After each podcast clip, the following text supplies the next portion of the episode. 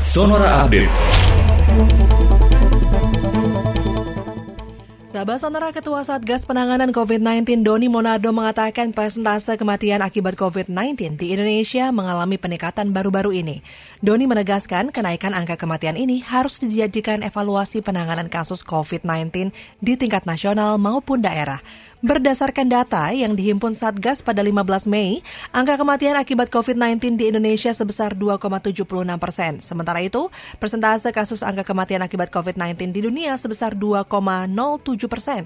Apabila dibandingkan dengan angka kematian pada 5 Februari, persentase kematian di Indonesia mengalami peningkatan. Pada 5 Februari, angka kematian di Indonesia sebesar 2,75 persen. Di saat yang sama, persentase angka kematian dunia sebesar 2,18 persen.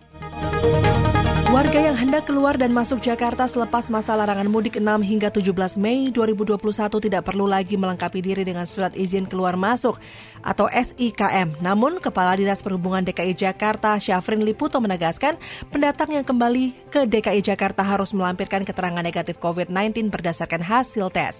Ketentuan tersebut juga berlaku bagi pelaku perjalanan menggunakan kendaraan pribadi untuk ditunjukkan kepada para petugas di pos penyekatan. Sebelumnya Polri memastikan akan memperpanjang sanksi putar balik kendaraan pemudik hingga 24 Mei 2021. Beralih ke berita olahraga, pebalap Monster Energy Yamaha Fabio Quartararo berhak menempati puncak klasemen pebalap MotoGP 2021 meski gagal menjadi yang tercepat di sirkuit Le Mans semalam. Pada balapan tersebut, Fabio Quartararo berhasil finish di urutan ketiga dan meraup 16 poin.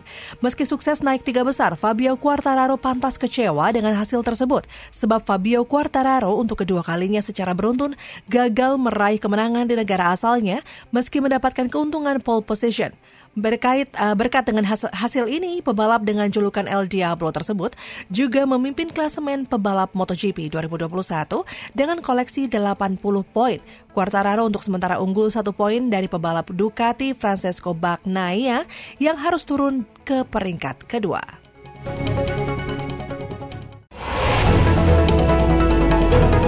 Demikian Sonora Update.